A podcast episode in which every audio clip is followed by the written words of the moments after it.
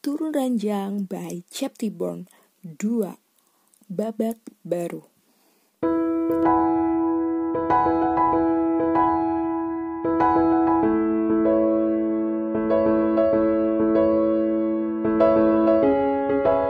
Aku masih sangat mengantuk saat Kafka mengajak untuk bersiap melanjutkan perjalanan.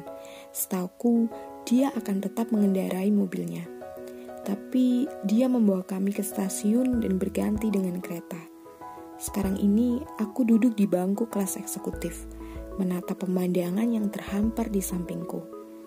Kafka juga tidak mengatakan apa pun lagi. Komunikasi kami masih sangat terbatas.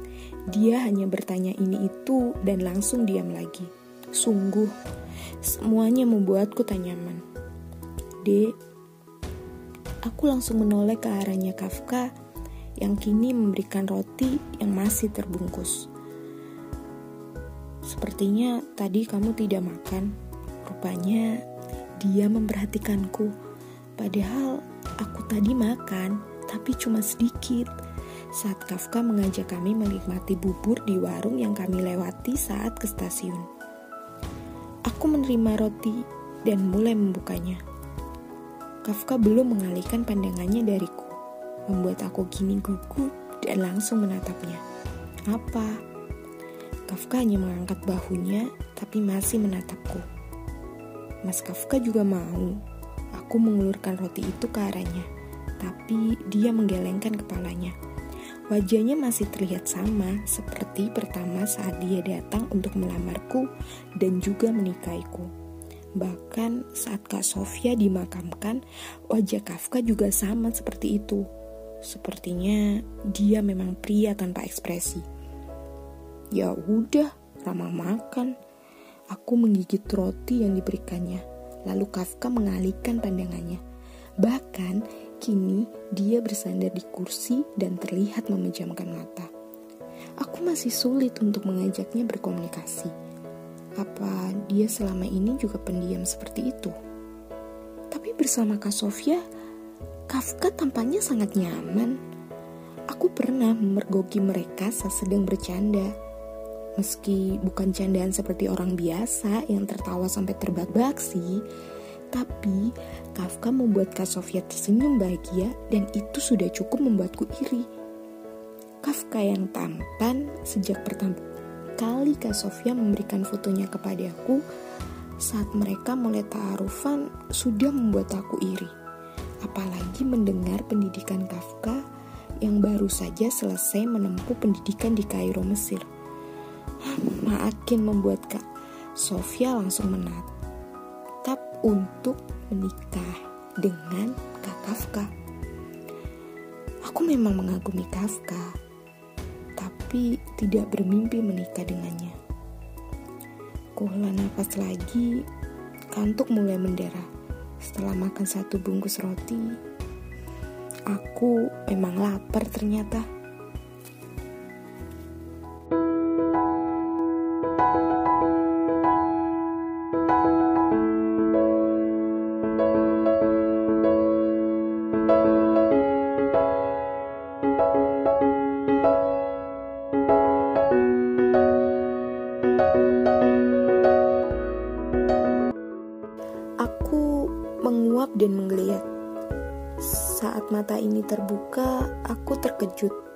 Sepertinya kepalaku bukan bersandar di kursi, tapi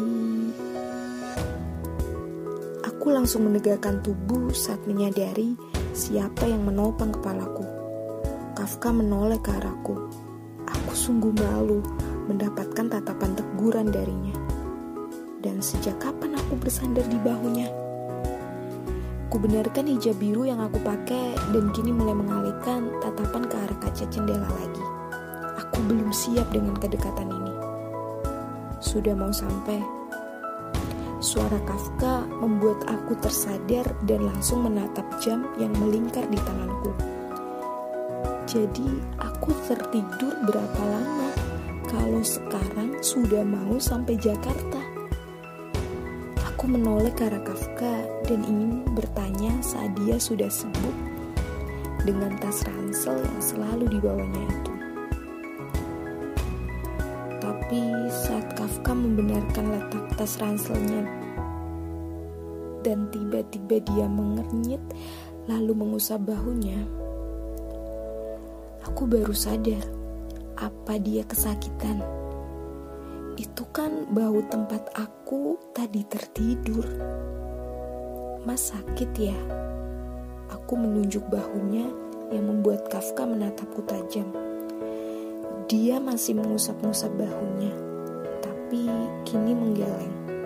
Bersamaan dengan itu, kereta sudah berhenti dan pengumuman dari pengeras suara mengalihkan kami semua. Kafka sudah beranjak berdiri dan mengambil bawaan kami. Aku juga mengikutinya. Travel bagku sudah ditariknya. Tentu saja aku tergesa mengikuti langkah kakinya yang panjang itu. Akhirnya sampai juga di luar dan Kafka menungguku di ambang pintu keluar. Kita naik taksi. Kafka mengulurkan tangan untuk menggandeng tanganku. Tapi gerakan tiba-tiba itu lagi-lagi membuat aku terkejut dan mengibaskan tangan Kafka. Dia langsung menoleh ke arahku dan mengerenyit. Kita mau menyeberang jalan. Penjelasannya itu membuat aku menganggukkan kepala dengan canggung. Maksud dia baik sebenarnya, tapi kan aku belum terbiasa dengan kontak fisik seperti itu.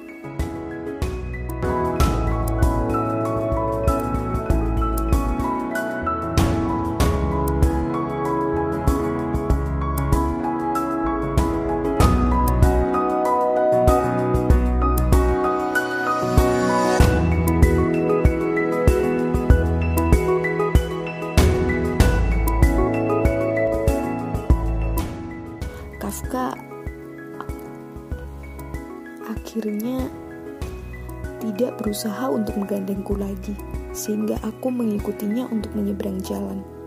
Sampai akhirnya kami sampai dan Kafka langsung mendatangi taksi yang ada di sekitar stasiun. Kafka memasukkan travel bag ke bagasi dan langsung masuk ke dalam taksi, duduk di sebelahku, dan menyebutkan alamatnya kepada supir taksi dan mobil mulai berjalan. Aku masih gugup berada di sampingnya. Apalagi kini paha kami bersinggungan. Padahal semalam kami juga tidur satu ranjang. Hanya saja ranjang hotel begitu luas dan Kafka tidak bergerak saat tidur. Dan tetap di posisi semula sampai bangun. Sungguh sangat rapi. Kenapa kamu takut sama aku? Pertanyaan itu membuat aku menoleh ke arah Kafka yang sudah menatapku tajam lagi. Takut. Kutunjuk diriku sendiri, tapi Kafka sepertinya menunggu jawabanku. Ehm, enggak, bukan takut. Cuma kita kan belum kenal. Ehm, maksudku, kita memang masih asing. Kafka menghela napasnya, lalu menepuk kepalaku. Hal itu membuat aku terkejut. Tapi hanya begitu saja, karena selanjutnya Kafka sudah beralih lagi duduk di menghadap depan. Apa yang baru saja terjadi? Dia kenapa sih?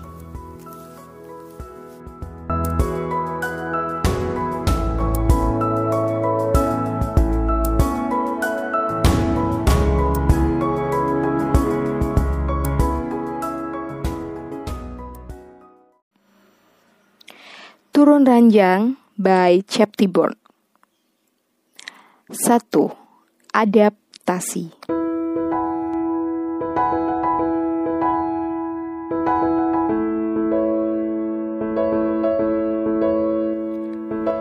Guncangan pada bahuku dan suara orang memanggil menarikku dari mimpi. Tidurnya nyaku terganggu. Tubuhku terasa begitu lelah. Otot leherku sangat kaku dan mataku baru terpejam sebentar.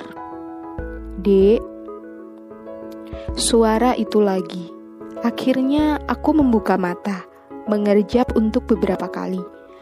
Lampu kamar terlihat temaram, tapi kemudian aku baru tersadar kalau ini bukan di dalam kamarku.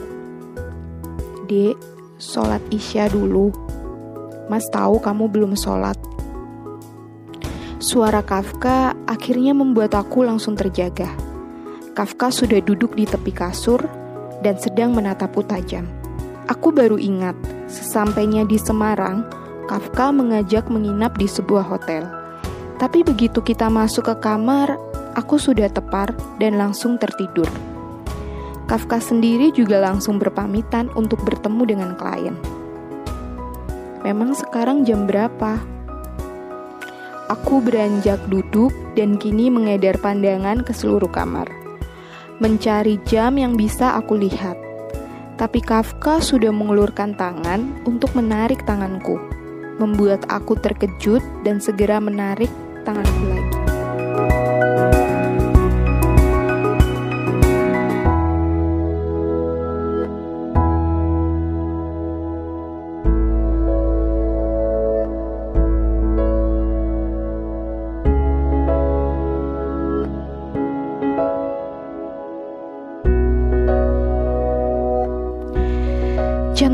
Berdegup kencang dengan kontak fisik ini. Ambil air wudhu. Hanya itu ucapan Kafka. Karena dia langsung beranjak dari duduk dan melangkah ke arah kamar mandi yang ada di dalam kamar. Suara gemericik air membuat aku menghela nafas. Pening. Mulai mendera kepalaku karena dibangunkan secara mendadak. Saat Kafka keluar dari kamar mandi, aku segera turun dari kasur dan langsung cepat masuk ke dalam kamar mandi. Tapi saat wajahku terlihat di kaca yang ada di atas wastafel, tentu saja aku memekik. Aku baru sadar karena sebelum tidur tadi aku sudah membuka hijabku. Rambutku tergerai acak-acakan. Tapi yang membuat aku panik, Kafka sudah melihat semuanya. Melangkah mondar-mandir di dalam kamar mandi, aku sungguh malu. Selama ini, aku belum pernah.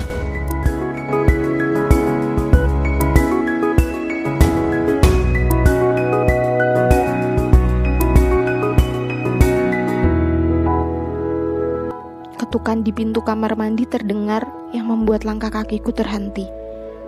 Dek, cepat. Suara Kafka terdengar dingin dan kesal. Aku menghela nafas lagi dan langsung mengambil air wudhu. Saat akhirnya keluar dan kamar mandi Kafka sudah menyiapkan sajadah dan mukena milikku. Dia dapat dari mana?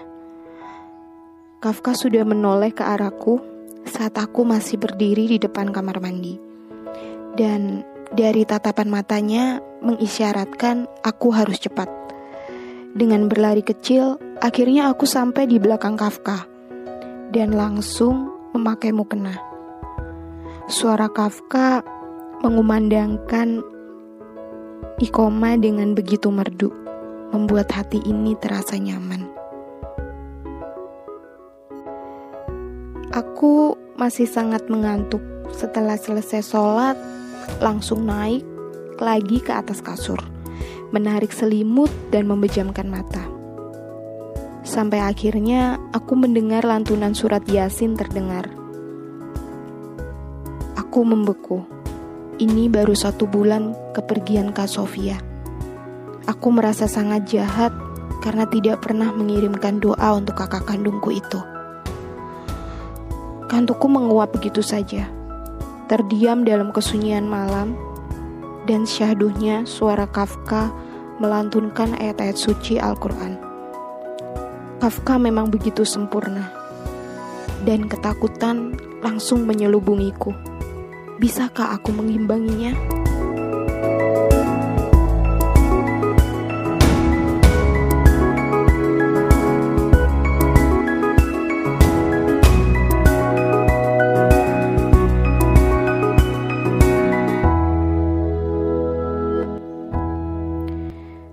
Kafka selesai, aku langsung merapatkan mataku. Tidak mau dia mengetahui aku belum tidur. Kamu belum tidur? Suara itu membuat aku berjenggit. Aduh, pasti bisa terlihat oleh Kafka.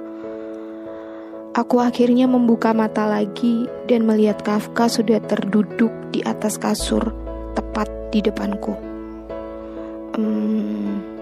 Mas, dengan canggung akhirnya aku duduk tapi tidak berani menatap Kafka. Dia masih begitu asing untukku. Aku benar-benar tidak mengenalnya. Kenapa kamu mau menikah denganku? Pertanyaan itu membuat aku menatap sosok pria yang sudah sah menjadi suamiku.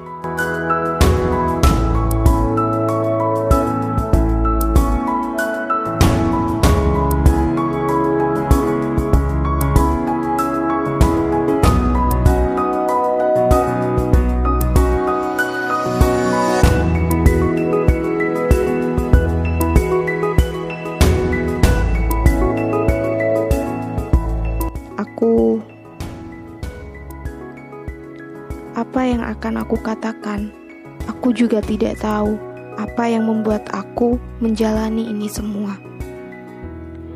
Setauku, kamu sedang mencari pekerjaan. Baru saja kamu selesai kuliah, kan?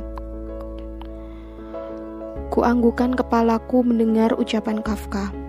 Dia tidak tersenyum, masih menatapku dengan dingin. Kenapa? Lagi pertanyaan yang sama. Akhirnya aku hela napas. Mencoba untuk menenangkan degup jantungku.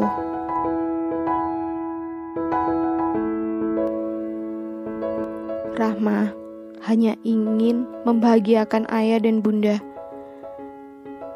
Kasian, mereka sudah kehilangan Kak Sofia dan Rama tidak bisa membuat mereka sedih lagi dengan menolak pernikahan ini. Ada helaan nafas terdengar dari Kafka. Kini sepertinya terlihat makin kesal kepadaku. Aku pikir kamu akan menolak, tapi saat kamu menyetujui ini semua, aku yakin kamu sudah tahu apa yang menjadi ketentuanku. Kamu tidak boleh bekerja. Aku menginginkan istri yang 100% ada di rumah. Ucapan Kafka itu membuat aku mengernyit. Meski aku tahu Kafka memang menginginkan hal itu sejak menikah dengan Kak Sofia. Tapi aku kan berbeda. Aku masih 23 tahun, sedangkan Kafka sudah berusia 30 tahun. Jarak usia kami terlalu jauh. Tanpa menunggu reaksiku, Kafka sudah beranjak dari sampingku tapi dia kini naik ke atas kasur dan langsung berbaring di samping. Aku masih diam di sini, mencoba mencerna semuanya. Tidur, Dek, biar besok bisa bangun saat subuh. Dan hanya dengan begitu, seluruh tubuhku terasa lemas. Rupanya, aku memang harus menyesuaikan diri dengan perintah-perintah Kafka, orang asing yang telah menjadi suamiku ini.